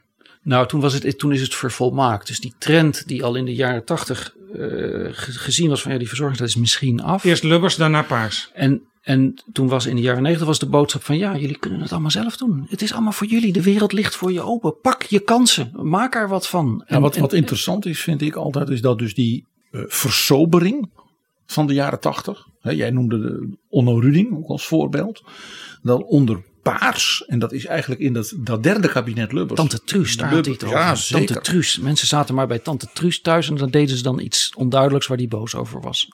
Thee drinken deden ze daar. Ja, iets- Nee, dat deed je op Cohen. Ja, maar Tante Truus dronk ook al thee volgens Ruding. En, en Ruding was het er helemaal niet mee eens dat mensen daar bij Tante Truus zaten. Dat- ja, dat verhaal wat er toen gebeurde, is, daar gaan we het een keer over hebben. Ik heb hier de, de memoirs van Onno Ruding staan. Een heel dik boek onder de titel Balans. Dat zegt, die titel zegt misschien ook al wel wat. Het is op het plankje nog een keertje lezen. Interessant is dus dat die versobering, die toen centraal stond in zeg maar, de jaren tachtig. We kunnen het gewoon niet meer betalen. Hè? Nederland was Griekenland. Dat dat vervolgens als een soort bevrijding. Met name ook in de paarse periode gezien. Van, eigenlijk was wat Lubbers en Ruding en zo deed. Een zegen voor eh, het land. En vooral ook bevrijdend voor de burgerij. Ja, maar daarmee, maar daarmee dus die claim een volkspartij te kunnen zijn, of die claim grote delen van de bevolking bij elkaar te houden, die, hield daarmee ook een die verloor daarmee natuurlijk heel veel geloofwaardigheid. Eh, omdat, ja, als de boodschap is van, eh, zorg maar gewoon dat je zoveel mogelijk opleiding krijgt, dan red je je wel. Ehm, zorg maar dat je jezelf een beetje verzekert, dat je, dat je zelf een beetje bestand bent tegen de risico's die er eh, zo in het dagelijks leven op je af kunnen komen. Dan red je je wel. Wees maar niet te veel afhankelijk van ons of van anderen, want dat, ja, dat is eigenlijk iets van vroeger tijden. Aan de ene Waarom, kant is waarom dat, zou je dan nog die krachtige bindende organisaties hebben? Die zuilen, dat middenveld. Waarom zou je dat dan nog hebben? Ja, dus, dat, dus, dus de, ik denk dat de Partij van de Arbeid, en ik denk dat dat ook voor het CDA geldt, er voor een deel echt zelf gewoon, ja, gewoon, hebben, men heeft ook in eigen vlees gesneden. Actief, actief gewoon stukken eraf gehakt, als in dat verhaal van Belcampo, van die man die, ja, die, houdt, die, die, die heeft op een gegeven moment ontdekt dat hij, dat hij zijn eigen vlees zo lekker vindt. En die, die komt op een gegeven moment, komt er dus een hoofd met alleen een arm bij de huisarts. En dat hoofd met die arm vraagt aan de huisarts, van, kunt u me alsjeblieft helpen om die arm eraf te zetten? Ik vind het zo lekker en ik wil mezelf opeten. Ehm excuus, ja, dit is... De, de, de, de mensen die echt, zeg maar, de klassieke zuidelijke katholieke wereld kennen. Binnen de christendemocratie. Die zeggen altijd, wie zijn wij kwijtgeraakt? Dat is dus niet Henk en Ingrid. Wie zijn het wel? Dat zijn de zeer actieve katholieken in de diaconie, in de parochies, in het sociale werk, vaak ook uit- vanuit de vakbonden en dergelijke. Die dus zeggen, ja, dat is allemaal weg. En wat stemmen die mensen nu? SP. Want die zijn dus als het ware dat gaan eh, eh, ja, revitaliseren in de vorm van nou ja, artsenhulpdiensten en voedselbanken en wat dan niet. Dus een heel deel van dus die zeer sociaal bewogen katholieken, zoals men dat noemt, die zijn dus als het ware ja, teleurgesteld geraakt in een vergelijkbaar eh, type analyse als Menno Hurekamp nu noemt. En die zijn dus bij de SP terechtgekomen. Ja, ik weet dat toen de SP 26 zetels waren het geloof ik haalde. Onder leiding van Jan Marijnissen. 2006. dat inderdaad toen in Brabant, want ik, ik kom uit Brabant oorspronkelijk, dat daar eh, ja, mevrouwen van rond de 60 waren, die voor het eerst in hun leven eh, een keer niet op het CDA hadden gestemd, maar op de SP, notabene toen de SP van Jan Marijnissen. een van de meest opmerkelijke dingen in die langere termijn cijfers en die data waar ik altijd zo dol op ben en naar kijk, is dat het CDA altijd, ook vanuit de geschiedenis, inderdaad vanaf het vrouwenkiesrecht in 1920, de confessionele altijd vrouwenpartijen waren. En zowel in 2010 als bij de afgelopen Kamerverkiezingen, bij, dus de- bij twee bittere nederlagen, was het CDA overduidelijk een mannenpartij. 55% mannen, 45% vrouwen. En dat is des te opmerkelijker omdat het een oudere mensenpartij is. Ja, en is dus onder de ouderen zijn er meer vrouwen dan mannen. Dus wat je hier ziet is een verschijnsel. Dat is laat ik zeggen, de, de, de draagzuilen van de mantelzorg, het vrijwilligerswerk, eh, de kerken, eh, de, allerlei zorgdingen. Dat die dus niet het CDA stemmen. Dit is Betrouwbare Bronnen, een podcast met betrouwbare bronnen.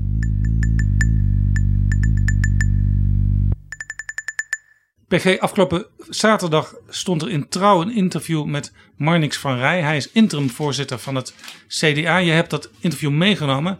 Want jij was het niet eens met alles wat Marnix van Rij daarin zei. Nou, dat kan ook niet, want het was een interview van twee pagina's. Je kunt het nooit met alles eens zijn.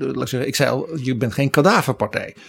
Er zat alleen één ding in dat feitelijk eh, mij deed schrikken. Omdat in die kleine passage hij iets zegt. In feite, hij geeft al de samenvatting van dat rapport Spies nog voor het geschreven is. En elke zin van die passage is feitelijk onjuist. En dat is Kun je die passage even, even lezen? Ja, hou mij niet langer in spanning, want ik heb het gemist. De kiezer beloont onze waarden en normen. Dat is al, als je naar de cijfers kijkt, een opmerkelijke opmerking. Maar dat zijn niet de belangrijkste thema's die de mens zich bezighouden. Die gaan over zorg, economie, sociale samenhang en het klimaatbeleid. De kiezers associëren ons hier niet mee en dat vertaalt zich dus in 15 kamerzetels. Nou één, de kiezer beloont dus niet die waarden en normen. Want dat doen kiezers namelijk nooit. Wat kiezers belonen is als jij een filosofie hebt, een ideologie, of in dit geval de waarden en normen van je partij, dat je die dus op een zodanige manier helder maakt. In bijvoorbeeld je prioriteiten, op de dingen waar je voor bent of de dingen waar je tegen bent, waar je de kiezer oproept, steun ons daarin. Dat ze zeggen, nou dat herken ik, dat vind ik iets moois. Dat spreekt mij aan. Twee, het zijn niet de belangrijkste dingen die de mensen bezighoudt. Feitelijk is het zo dat het onderzoek bij de Kamerverkiezingen was. Wat vindt, zijn voor u de belangrijkste argumenten bij uw stemkeuze? Op één stonden waarden en normen. Hoe gaan we dit land met elkaar om? En het thema zorg. Op twee de betrouwbare overheid. En op drie de crisis, corona, eh, hoe komen we eruit? Nou, dat thema waarden en normen, hè, daar is het, dat is het CDA nog een soort thema-eigenaar. Zorg had het de vicepremier-minister van. Die betrouwbare overheid was natuurlijk het boek van Omtzigt. Dat werd in hoge mate, zie ook al zijn voorkeurstemmen, met hem geassocieerd. En ja, die crisis zou je zeggen, nou, de minister van Financiën was ook nog lijsttrekker. En dan zegt de partijvoorzitter, ze hebben onze waarden en normen beloond, maar ze hebben de, het on- de onderwerpen niet met ons geassocieerd. Dan denk ik, dat is toch merkwaardig, want je had de, je belangrijkste kandidaten en thema's waren precies die dingen waar de burgers blijkbaar het meest naar keken bij het afwegen van hun stem. Ja. Dat betekent dus dat ook hier weer eh, sprake dreigt te zijn, zoals bij eerdere verkiezingen, van een soort legendevorming over de realiteit van de uitslag. Dit zijn overigens voor een deel ook thema's die voor de Partij van de Arbeid belangrijk zijn.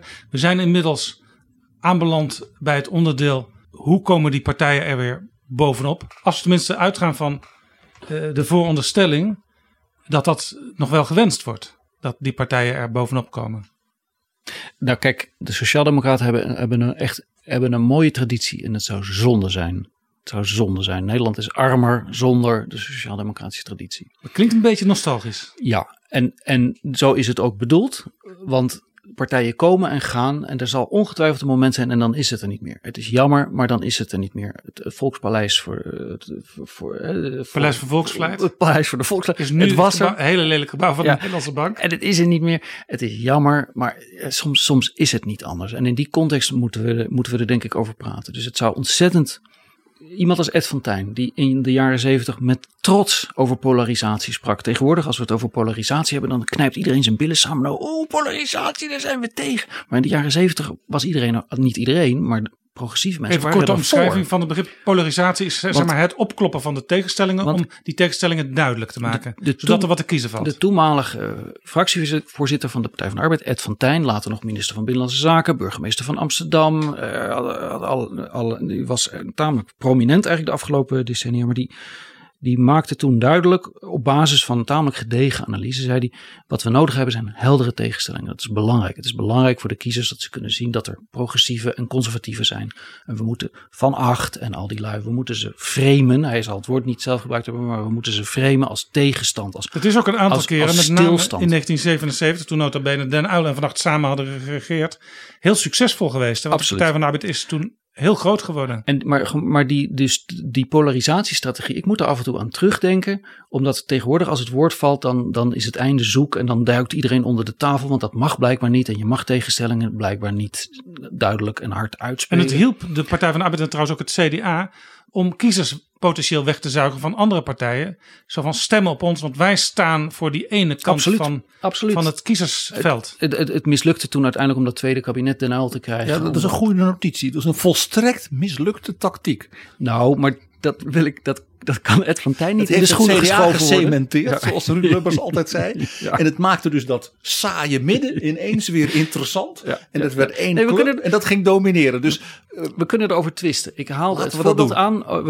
ik haalde het voorbeeld aan om te, om te zeggen dat, dat het is jammer dat dat type denkkracht, dat als dat zou verdwijnen. Dat, dat die, het is een trotse traditie. Het is jammer. Maar hey, het leven gaat door en Nederland gaat ook echt wel door. En ehm, het meest aannemelijk lijkt me dat alle mensen die een progressief of een links levensgevoel delen, dat die zich op de een of andere manier op een nieuw ticket verenigen. En ik, ik, ik moet me enorm vergissen als de Partij van de Arbeid en GroenLinks en een aantal van die andere clubjes daar niet ook heel hard naartoe gaan Maar sturen. wat, wat ik heel interessant vind, want in sommige discussies rondom waar staat de Partij van de Arbeid nog voor en waar moet de Partij van de Arbeid naartoe, eh, wordt D66 als bondgenoot genoemd, in sommige ook niet. Maar je noemde straks Darendorf, begin jaren tachtig zeiden ja, eigenlijk is het werk van de sociaaldemocratie voltooid. Toen zei Joop den Uyl meteen, dat is onzin, want er zijn allerlei tweedelingen in de samenleving. Sterker nog, er komen nieuwe tweedelingen bij. Inmiddels, als je kijkt naar eh, het verkiezingsprogramma van D66 en ook naar bijvoorbeeld een boek wat het wetenschappelijk bureau van D66, dat overigens tot hilariteit van, van PG vaak de meester Hans van Mierlo Stichting heet. ik vind dat volkomen terecht. Dat weet je toch. Eh, die hebben een boek uitgegeven dat heet Naar een nieuw kabinet van sociale rechtvaardigheid. En een nieuw sleutelwoord bij D66 is kansengelijkheid. En dat kun je eigenlijk op heel veel dingen in de samenleving plakken. En eigenlijk staat dat heel dichtbij wat Joop den Uyl 40 jaar geleden al benoemde als tweedeling. Maar kijk, kansengelijkheid, dat is ten diepste natuurlijk, dat is de hele, re- de hele bestaansreden van de verzorgingsstaat. Of die nou van de christendemocraten komt, of van de sociaaldemocraten, of van de sociaal-liberalen. Want een flink deel van de verzorgingsstraditie, eigenlijk zoals de Partij van de Arbeid en eh, de voorgangers van het CDA, die hebben gekopieerd uit Engeland. Ja, en dat waren sociaal-liberalen Komt vaak. eigenlijk van een soort sociaal-liberaal-achtige types eerder dan van de Labour. Ja, eh, Beveridge, van- Keynes, allemaal Nou sociaal-liberalen. ja, dat, dat zijn En zelfs nog daarvoor in Nederland, ja, we hebben het er onlangs over gehad, dat dus de critici in liberale kring, de jongere liberalen, die dus die nachtwakerstaat van Thorbecke verouderd vonden, die keken naar Bismarck nota bene. Die keken Ja, dus ook naar precies. Engeland Ja. voor modernere vormen van inderdaad ook sociale Maar, zekerheid. maar waar het om gaat, denk ik, is dus het is interessant dat D66 een punt maakt van, van kansengelijkheid. En wat dan, ja, dat moet gewoon, die, op, een, op een dag moet die, die, die kat uit de zak. Maar een deel van de Sociaaldemocraten die nog over zijn, heeft een hekel aan D66 en kijkt liever naar de SP.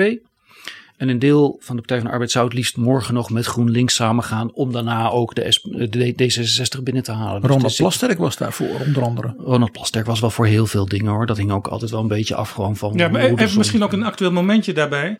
De Partij van de Arbeid en GroenLinks, die hebben de afgelopen weken eigenlijk een nieuwe koers ingezet in de Tweede Kamer als het gaat om de fracties. Ze voeren al samen het woord. Ze voeren bij heel veel debatten, zowel in de plenaire zaal als in commissies, eh, voert één van de twee partijen namens de andere partij het woord. Maar het is ook wel praktisch, want je werkt je helemaal gek hoor met een fractie van zo weinig. En dan moet je nagaan wat er aan parlementaire enquêtes op je Maar dat geeft misschien dan ook wel aan dat een, een fusie misschien wel in het verschiet ligt. Ja, nou kijk, dus bedrijfskundigen zullen je kunnen uitleggen dat je met het woord fusie altijd heel voorzichtig moet zijn, want de meeste fusies mislukken. Maar er zal ongetwijfeld nu achter de schermen eh, hard geploeterd De Partij van de Arbeid en ook het CDA zijn zelf een fusie geweest en heel lang daarin succesvol geweest. Ja, maar GroenLinks is ook een fusiepartij. Maar daar ging wel een hoop gedonder aan vooraf. En, eh, en zeker ook. En, ja, en mensen als jij en ik schrijven daar dan heerlijke boeken over. Dus ik ben erg voor dat gedonder. En overigens, Menno, het, als je het over bedrijven hebt. Als je kijkt eh, welke belangrijke merken er nu eh, beursgenoteerd zijn. Dan zijn dat totaal andere merken dan 40 jaar geleden beursgenoteerd zijn. Dus er verandert gewoon van alles. ja, nou ben ik een beetje out of my league. Want beursgenoteerde bedrijven, daar heb ik me de laatste decennia niet echt Ajax mee is ook beursgenoteerd, dus dat zegt mij niks. Nee, maar ik bedoel, eh, wat eens succesvol was, hoeft dat niet te blijven. En andersom. Nee, nee, maar het is meer, ik denk meer dat de noodzaak, de noodzaak moet dwingend zijn. Hè? Zeker voor GroenLinks, dat kan ik nog echt terughalen zelf. Dat was dwingend, want het was gewoon fuseren of verdwijnen. Eh, ehm, en ik denk eerlijk gezegd dat dat moment ook min of meer nu aangebroken is voor een aantal van de clubs die nu nog wel in het parlement zitten met dus een nogal harde, iets te harde kern van kiezers, laten we zeggen. Een beetje samengeklonterde harde kern van kiezers. Ja, wat ik interessant vind is dat Menno eigenlijk, jij noemt dat wat, wat onaardig, nostalgische overweging heeft eh, om de waarde van de sociaaldemocratie te onderstrepen.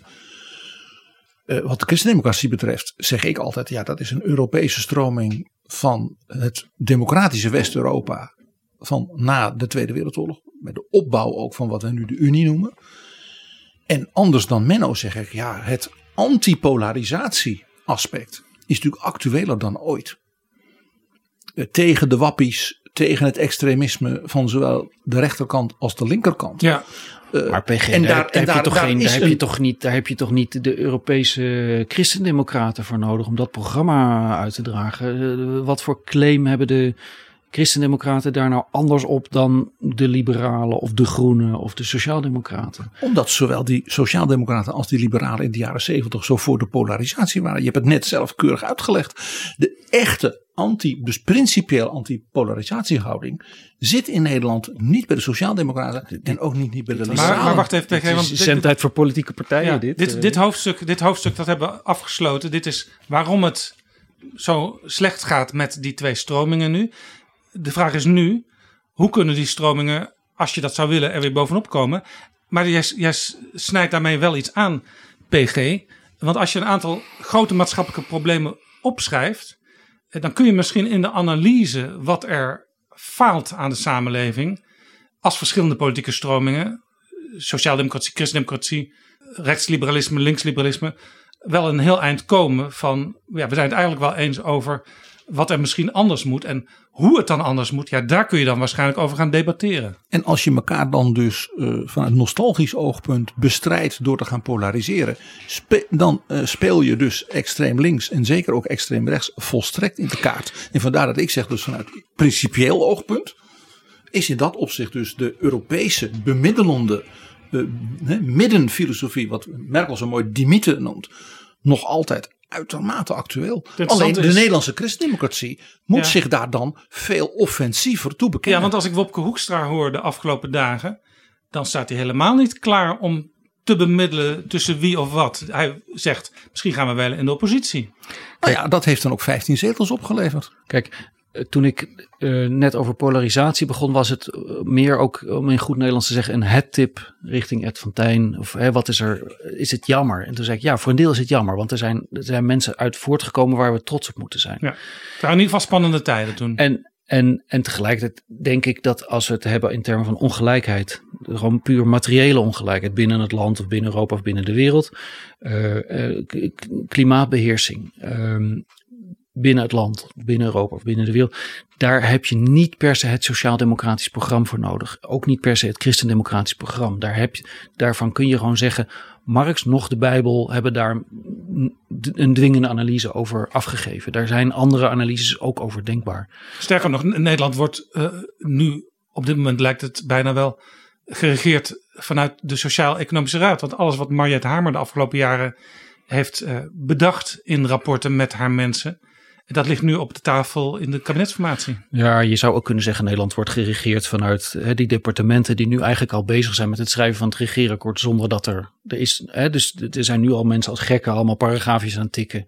Er moeten alleen nog wat partijtjes bijgezocht worden en nou, eens even kijken welke dat dan gaan worden. Maar in wezen is die tekst natuurlijk, die is eh, maar tekenen bij het kruisje en dan, en Die dan gaan we weer.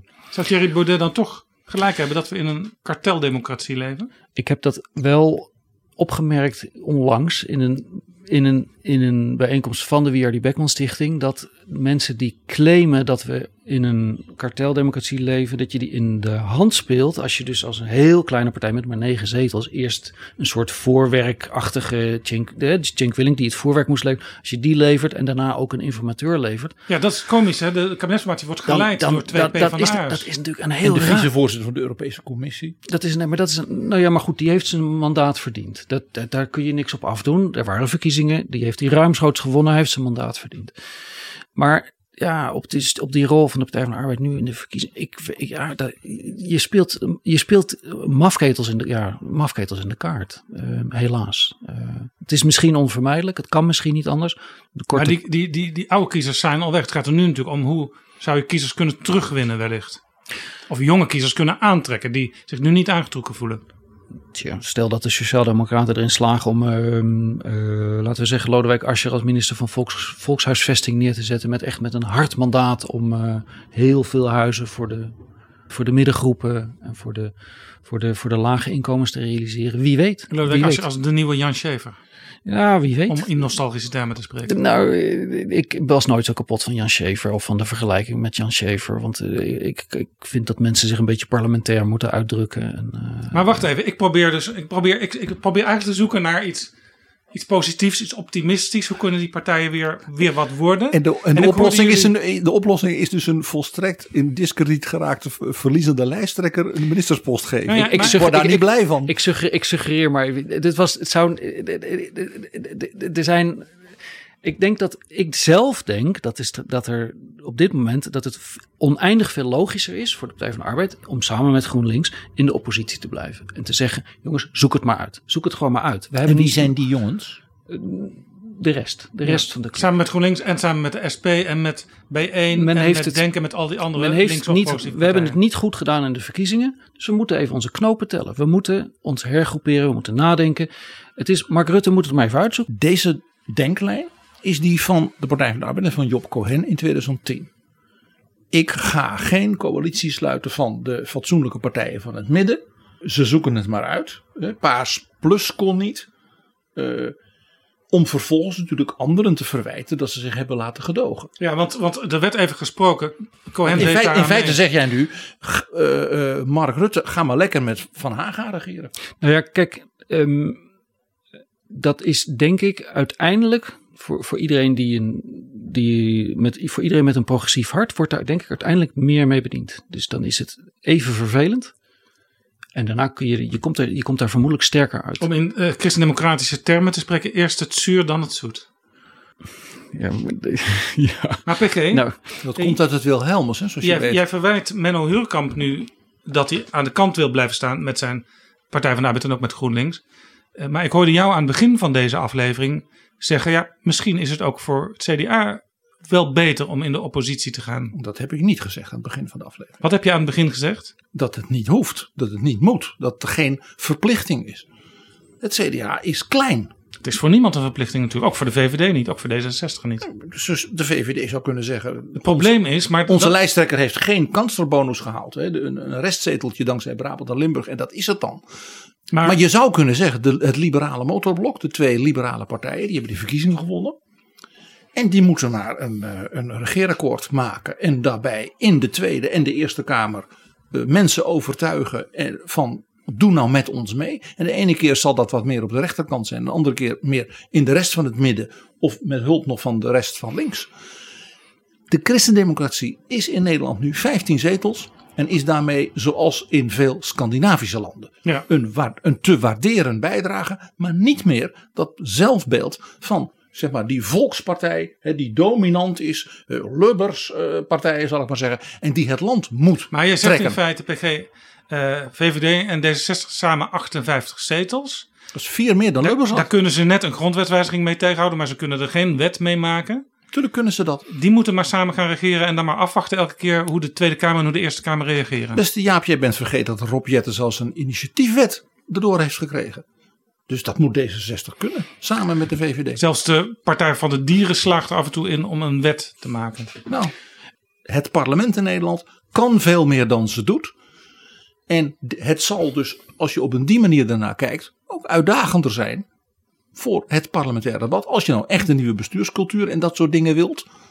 Maar Dit is nog eens een echt radicaal idee. mag- Nee, nee, dus dat je gewoon zegt- Maar, maar ik- PG maakt dit is, ik vind het is een heel serieus punt hoor. Ik ben het op grote lijnen eens met deze analyse. Dat als je een, een parle- parlement wil dat serieus genomen wordt door de, door de kiezers. Dat je dan moet zorgen voor herkenbaarheid. En als we nu een, als, met een regering waarin je dus al die clubjes met hangen en wurgen. En waarschijnlijk pas ergens rond kerstmis eh, bij elkaar propt. Ja, dan, dan is de teleurstelling zal alom zijn. Ehm, de teleurstelling zal breed zijn. En eh, ja, in ieder geval de Partij van de Arbeid zal daaronder lijden. GroenLinks zal daar Maar ook dan, kun onder je, dan lijden. zou je ook kunnen zeggen, ja, wij zetten helemaal geen partijen in het kabinet. Wij, zetten, wij noemen, benoemen een aantal technocraten die het beleid voorstellen en daarmee naar de Kamer gaan. Zoals het kabinet Den Uil. Dat had een buitengewoon dun regeerakkoord. Maar er waren En- geen technocraten. En die ministers die waren, eh, eh, eh, ja, hadden soms wel en soms geen binding zelfs met de betrokken kamerfracties. Ik ben dus erg voor echt radicale ideeën en een echt nieuwe bestuurscultuur. Durf maar een aantal van dat soort dingen aan. ja. En laten we eerlijk zijn, ik heb het in mijn in tand destijds ook geschreven. We hebben Nederland de facto sinds 2001, 2002 alleen maar gedoogcoalities gehad. We hebben geen reguliere, normale parlementaire meerderheden coalities gehad. Zoals we in die zuilentijd dat CDA en bedoelt, je- PvdA zo'n telt- 100 zetels hadden, kenden. Je telt de Eerste Kamer er dan telkens Natuurlijk tel ik die mee. Ja. En, en, en, eh, en een van de meest ingrijpende perioden in die tijd, van die voorbije 20, 25 jaar, is een heel tijdelijk verband geweest van een hele opmerkelijke hoeveelheid partijen. Het zogenaamde Kunduz-akkoord. Dat zeer ingrijpende lange termijn ingrepen in de begroting deed. Ook onder druk van de eurocrisis. De PvdA deed toen niet mee. Maar GroenLinks deed mee. De reformatorische partijen steunden. D66 deed mee. Dus het kan wel. Mariette Hamer zal niet heel blij zijn, denk ik, met jullie aanbod. Want in feite zeggen jullie voor de Partij van de Arbeid, voor het CDA, blijf ook maar aan de kant staan. Zoals inmiddels al Nee, de ik- meeste partijen in de Tweede Kamer Dit vind doen. ik framing, eh, Jaap. Ik, eh, ik blijf maar aan de kant staan. Nou, ik heb een paar keer. eh, Ik heb, eerst heb ik het voorbeeld van de jaren 60 aangehaald. Waar vanuit de oppositie de Partij van de Arbeid meebouwde aan de verzorgingsstaat. Daarna heb ik de polarisatie aangehaald. Waar de Partij van de Arbeid vanuit zeg maar, de drang om verschillen te benoemen. die democratie wel degelijk versterkte. Zichzelf eh, vooral heel lang Nou ja, goed. erbuiten zetten. De democratie Oké, dus helemaal niet versterkt. Oké, oké, nou ja, goed, goed, goed, goed. Foutje op het eind. De scenario liep net anders dan voorzien. Maar hoe dan ook, dat zijn bijdrage aan de samenleving. Dat is dus de, de, de uitdrukking aan de kant zetten voor het oppositiewerk. Vind ik fundamenteel verkeerd. En dat vind, en dat vind ik echt een serieus punt. Ja. Er wordt te. De- en de, de, de reflex van je moet in de regering, anders stel je niet mee. En de positie van de informateur zal eerder worden versterkt, is mijn analyse. Want als er dus een groter, mag ik zeggen, portfolio van meerderheidsmogelijkheden mogelijk wordt gemaakt. Behalve een 76 zetels eh, met een dichtgetimmerd regeerakkoord. En alleen dan heet het serieus meedoen. Dan is het dus mogelijk, zoals Hamer in feite als vervolg op Cenk Willing aan het doen is. Namelijk een herstelplan wat breed gesteund wordt. hè, Ook vanuit de polder en vanuit de samenleving. En breed in de Kamer, misschien wel Tweede en Eerste Kamer. Met dat voortbouwend in een aantal grote lijnen voor de toekomst. Waarbij dan een kabinet met verschillende groepen en verschillende steunpilaren dat kan helpen realiseren. Het palet wordt dus groter, dus we krijgen een diverser pakket van mogelijkheden voor meerderheden. Het is nu eenmaal zo. Het CDA heeft niet meer de zetels 54 van Lubbers. En de Partij van de Arbeid heeft niet meer de 53 van Den Uyl. En daar zullen we het dus mee moeten doen. De kiezer wil dit. Dus ze moet ook niet klagen. Tot zover de kabinetsformatie. Eh, het thema van deze aflevering was Partij van de Arbeid en CDA. Hoe komt het dat, dat niet meer die hele grote electoraal succesvolle partijen zijn die het ooit waren? En mijn daaraan gekoppelde vraag was: kunnen ze er nog bovenop komen en zo ja, hoe? En ja, op die laatste vraag heb ik eigenlijk geen bevredigend antwoord gekregen. Mag ik, mag ik dat concluderen? Nee. Nee. Nou, kijk, ik heb. Ik, althans, ik vermoed, en ik denk ook echt dat het zo zal gaan.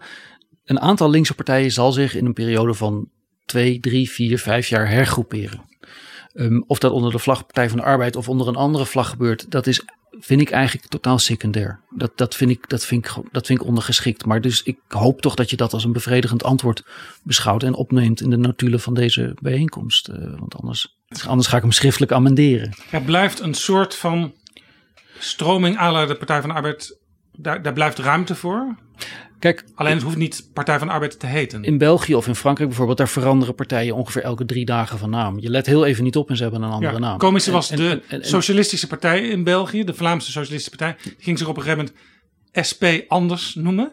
Inmiddels heten ze Vooruit. Ja, maar ook nog steeds SP anders erachteraan voor de mensen die het allemaal niet meer hebben kunnen volgen. Als België nog echt tweetalig was, dan heten ze nu En Marche. En de liberalen trouwens, die, die eh, heten Sorry. eerst de PVV in België, ook heel opmerkelijk. Toen gingen zij zich de VLD noemen. En later gingen ze zich Open VLD noemen. In de zin van anderen mogen ook binnen bij ons. Ja, maar kijk, en datzelfde mechanisme hebben ze bijvoorbeeld in Frankrijk ook een beetje. En ik bedoel, ik haal het alleen maar even aan om te zeggen, dat we moeten er ook weer niet te veel ons op een naam blind staren. Dat is ook maar een sticker. De Partij van de Arbeid ontstond na de oorlog als een poging tot partijvernieuwing, maar ook tot cultuurvernieuwing in de Nederlandse politiek. He, natuurlijk ingegeven ook door dat vernieuwingsgevoel, waar koningin Wilhelmina en mensen als Schermerhorn he, sowieso de belichaming van waren. En heeft dus ook heel bewust ervoor gekozen om de oude SDAP-naam, om die dus af te schaffen. En laten we niet vergeten dat bijvoorbeeld de Duitse SPD dat om heel nadrukkelijke, bijna emotionele en filosofische redenen niet deed. Ja, maar dit, dit is wel een podcast apart hoor, wat je nou aansnijdt. Maar dat geeft dus aan dat die naam altijd ook een uiting is van de omstandigheden. PG, laatste advies voor het CDA. Die mythe. Herontdek wat het is om in een tijd van grote veranderingen in de wereld. Dat midden, dus de antipolarisatie, het we zullen het samen moeten rooien, te herontdekken in enthousiasme en leven te geven. En dat moet het CDA leren, paradoxaal genoeg, via de oppositie. Dat kun je ook leren door anders dan voorheen te helpen de meerderheden te vinden. In het parlement.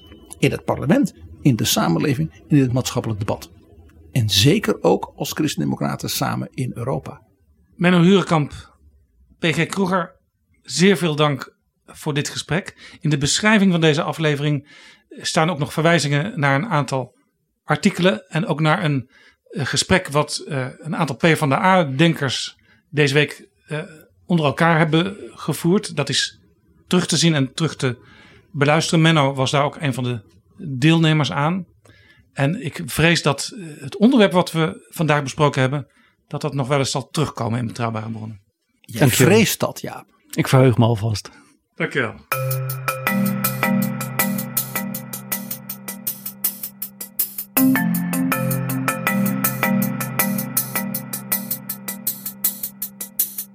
Zo, dit was Betrouwbare Bronnen, aflevering 195. Deze aflevering is mede mogelijk gemaakt door de vrienden van de show, die ons met een donatie steunen. Jij kunt ook vriend worden. Ga daarvoor naar vriendvandeshow.nl/slash bb. En die link staat ook in de beschrijving van deze aflevering, waar nog veel meer links in staan naar leuke, of in elk geval interessante leesdingen en luister- en kijkdingen. Tot volgende keer. Betrouwbare bronnen wordt gemaakt door Jaap Jansen in samenwerking met dag en nacht.nl.